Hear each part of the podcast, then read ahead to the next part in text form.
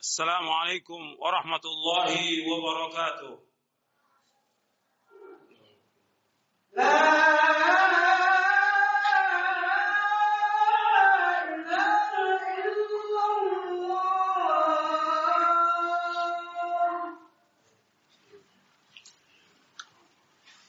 إن الحمد لله نحمده ونستعينه ونستغفره ونعوذ بالله من شرور أنفسنا ومن سيئات أعمالنا من يهده الله فلا مضل له ومن يضلل فلا هادي له.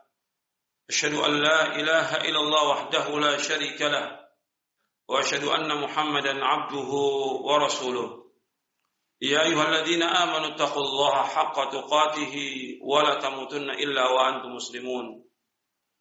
يا أيها الناس اتقوا ربكم الذي خلقكم من نفس واحدة وخلق منها زوجها وبث منهما رجالا كثيرا ونساء.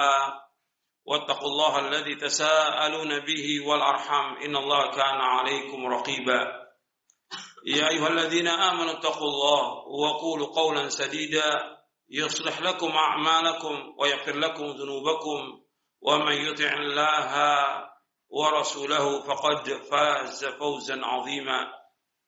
أما بعد فإن أصدق الحديث كتاب الله وخير الهدي هدي محمد صلى الله عليه وعلى آله وسلم وشر الأمور محدثاتها وكل محدثة بدعة وكل بدعة ضلالة وكل ضلالة في النار Masyarakat muslimin sidang Jumat yang mudah-mudahan dirahmati oleh Allah Subhanahu wa taala.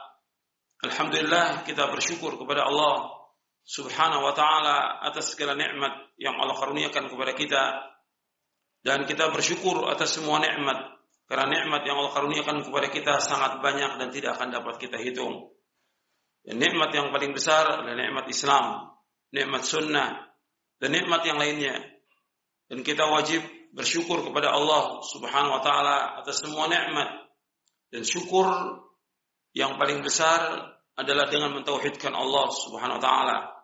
Asasnya syukur adalah mentauhidkan Allah, menjauhkan segala macam perbuatan syirik.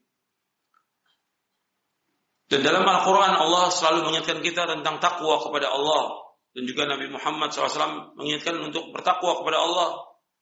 Dan takwa adalah intinya tauhid kepada Allah Subhanahu wa taala.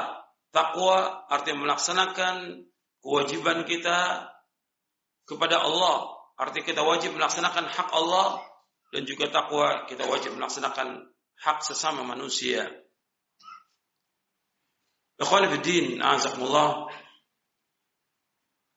Kita harus terus berusaha bagaimana menjadi hamba yang bertakwa kepada Allah Subhanahu wa taala.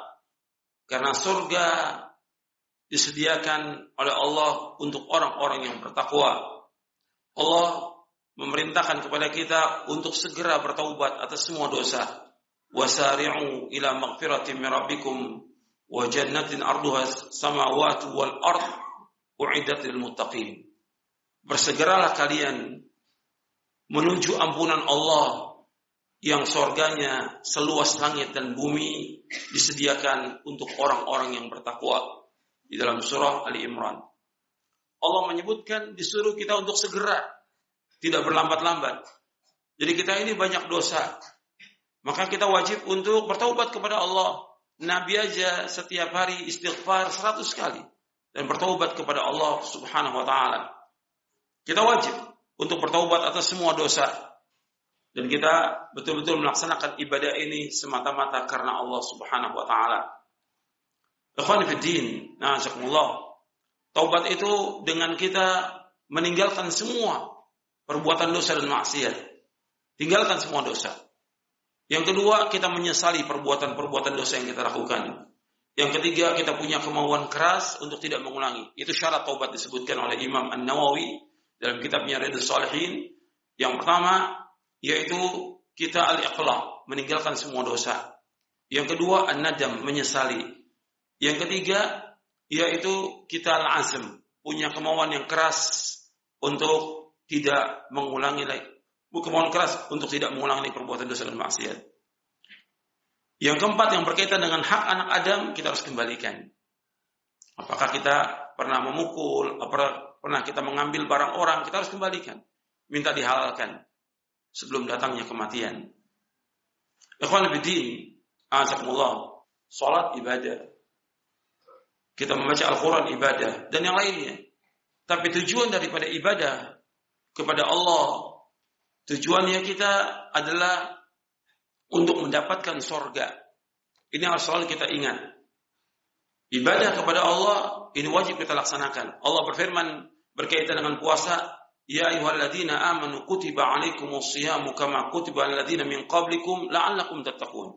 Wahai orang beriman, diwajibkan sekalian berpuasa sebagaimana diwajibkan seorang orang sebelum kalian agar kalian bertakwa kepada Allah.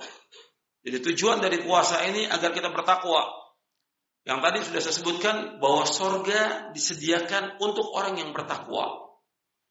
Ya dengan puasa itu bagaimana kita meningkatkan ketakwaan kita kepada Allah. Tentunya harus kita laksanakan ibadah itu dengan rukun dan syaratnya. Rukun daripada ibadah itu tiga. Yang pertama itu cinta kepada Allah. Yang kedua raja mengharap hanya kepada Allah.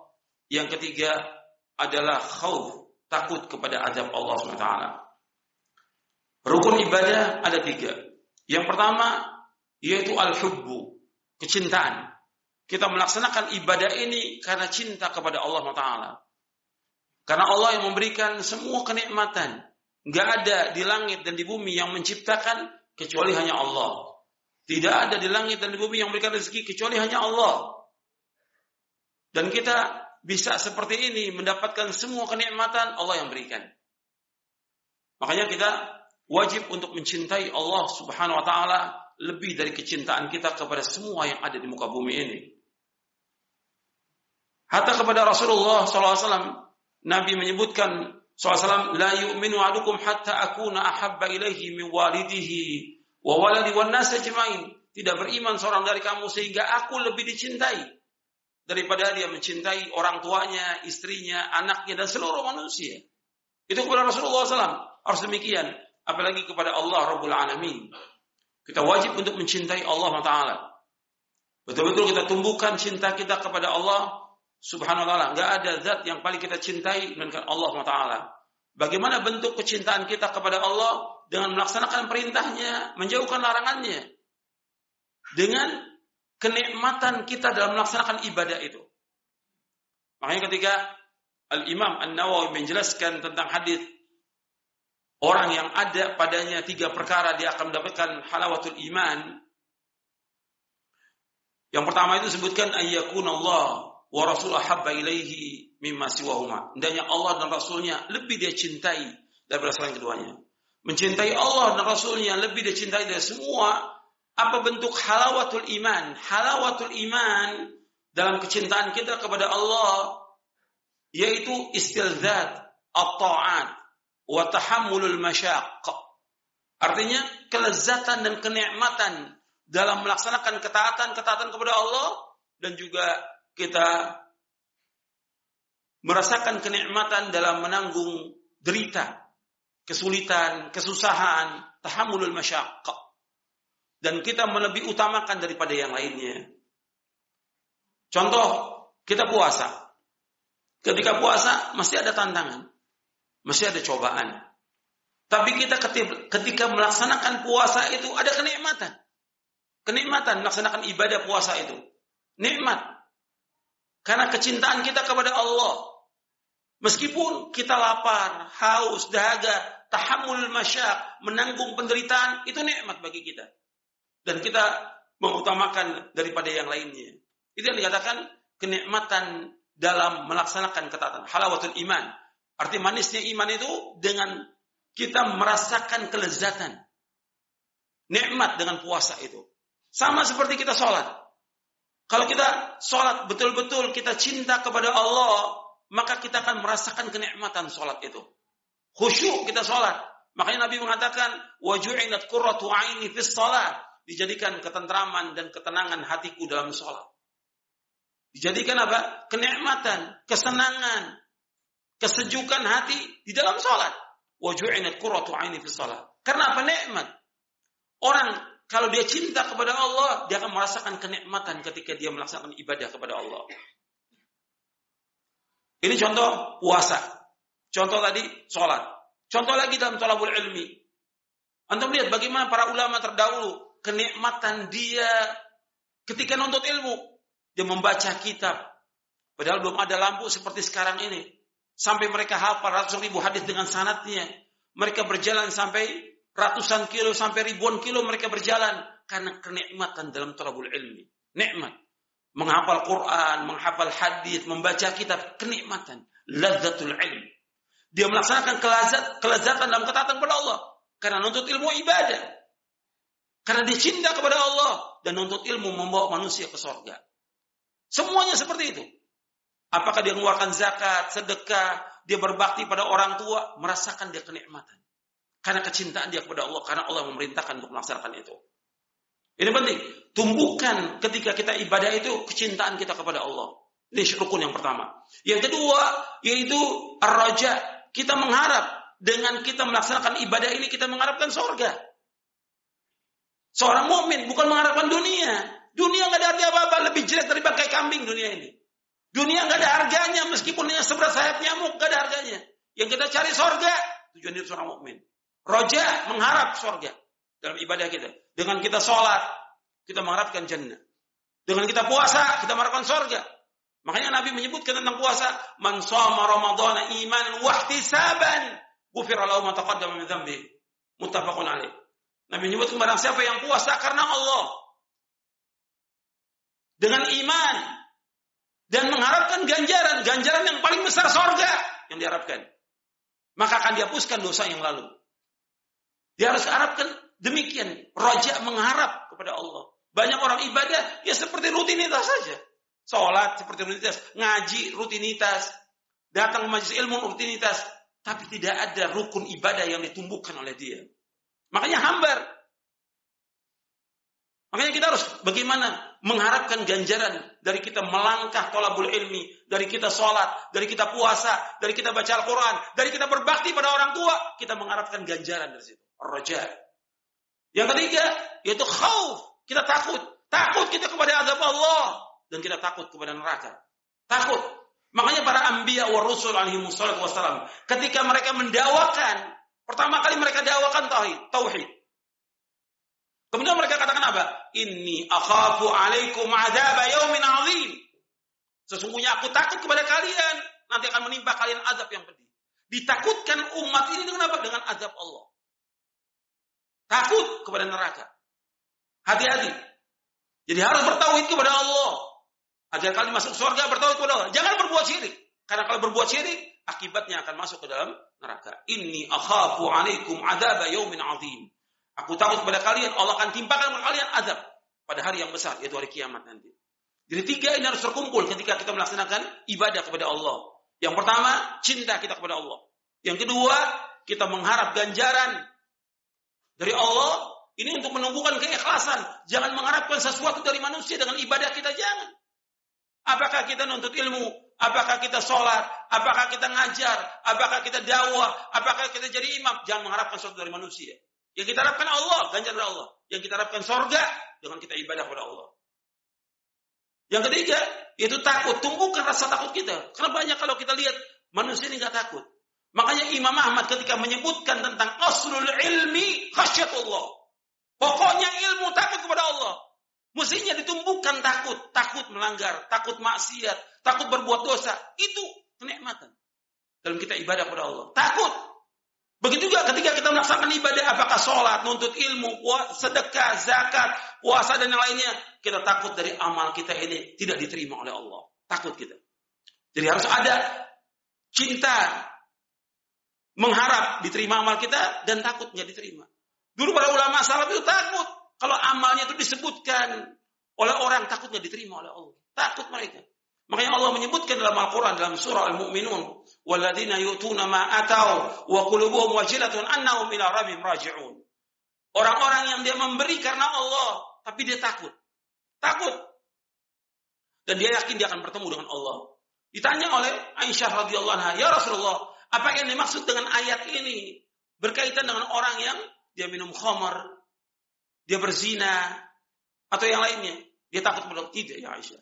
Ini adalah orang-orang yang dia melaksanakan ibadah, dia sholat, dia sedekah dan yang lainnya, tapi takut tidak diterima oleh Allah. Jadi orang beriman itu takut amalnya nggak diterima.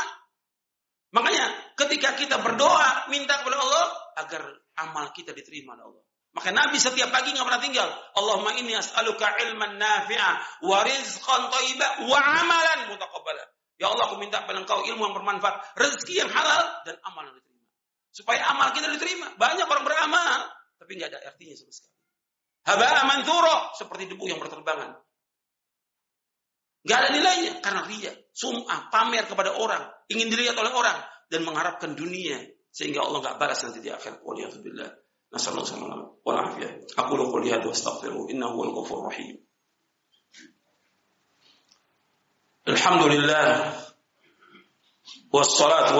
Ala Rasulillah. Asyhadu an la ilaha illallah wahdahu la syarika lah. Wa asyhadu anna Muhammadan abduhu wa rasuluh.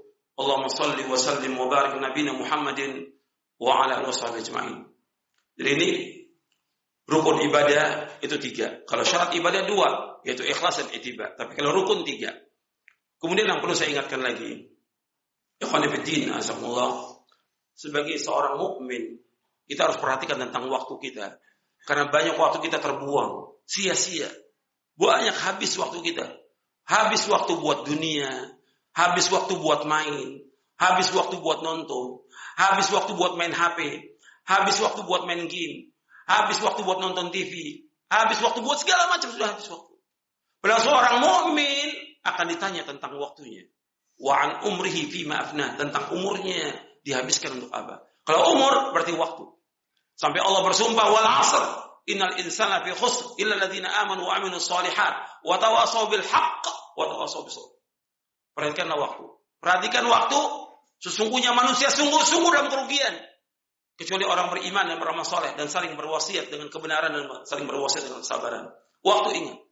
Kita akan ditanya oleh Allah tentang waktu kita. Dan banyak orang tertipu dengan waktu ini. Sampai Nabi bersabda dalam hadis yang sahih yang diriwayatkan oleh Imam Bukhari, Abu Daud dan yang lainnya dari sahabat Ibnu Abbas radhiyallahu anhu Nabi bersabda SAW, "Ni'matani maghburun fihi ma katsirun minan nas, as-sihhat wal faragh." Ada dua nikmat yang banyak manusia tertipu dengan dua nikmat itu. Yaitu nikmat sehat dan waktu luang. Banyak habis waktu ini. Antum bisa lihat dan antum bisa merasakan bagaimana antum muhasabah dari antum. Waktu ini banyak terbuang dengan sia-sia.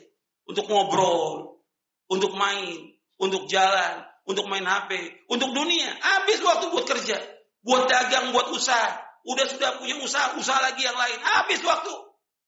Kita diciptakan oleh Allah untuk ibadah kepada Allah. Wa ma khalaqtul jinna wal insa illa liya'budun. Tidak menciptakan jin dan manusia untuk beribadah kepada Beribadah kepada Allah kita. Luangkan waktu kita untuk ibadah, Allah akan tutup kefakiran kita. Sampai Allah berfirman dalam hadits kursi, Nabi bersabda telah, telah berfirman Allah SWT, Ya benar Adam, tafarraq oleh ibadati amla sadraka ginan wa asudda faqra.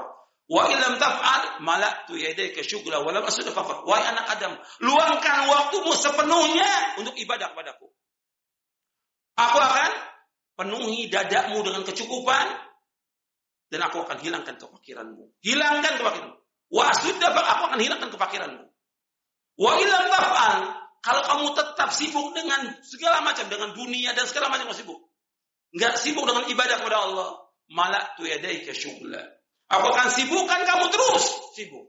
Walam asudda faqra dan aku akan tidak akan tutupi kefakiranmu. Ini hadis sahih. Makanya luangkan waktu kita untuk ibadah. Tinggalkan apa yang enggak bermanfaat. Dan kita sudah tahu hadisnya. Nabi bersabda, "Min husni islamil mar'i tarku ma ya'ni." Kebaikan Islam seorang meninggalkan apa yang tidak bermanfaat. Semua yang tidak bermanfaat tinggalkan, baik perkataan, baik perbuatan, permainan, dan yang lainnya tinggalkan. Yang nggak manfaat tinggalkan. Kita akan ditanya oleh Allah tentang waktu kita. Betul-betul nggak kita gunakan untuk ibadah kepada Allah dengan sebenarnya atau tidak? Karena kita diciptakan oleh Allah untuk ibadah. Dan kita sebagai hamba laksanakan ibadah dengan benar. Mudah-mudahan ibadah kita diterima oleh Allah Taala. Mudah-mudahan apa yang saya sampaikan bermanfaat. Allahumma salli wa sallim wa Nabi Muhammad SAW. ربنا ظلمنا أنفسنا وإن لم تغفر لنا وترحمنا نكون الخاسرين ربنا لا تزغ قلوبنا بعد إذ هديتنا وهب لنا من لدنك رحمة إنك أنت الوهاب. اللهم اقسم لنا من خشيتك ما تحول به بيننا وبين معاصيك ومن طاعتك ما تبلغون به جنتك ومن اليقين ما تهون به علينا مصائب الدنيا. اللهم متعنا بأسماعنا وأبصارنا وقوتنا ما أحييتنا واجعله وارث منا واجعل ثأرنا على من ظلمنا وانصرنا على من عادانا. ولا تجعل مصيبتنا في ديننا ولا تجعل الدنيا أكبر همنا ولا مبلغ علمنا ولا تسلط علينا من لا يرحمنا وصلى نبينا محمد صلى الله عليه وسلم وآخر دعوانا أن الحمد لله رب العالمين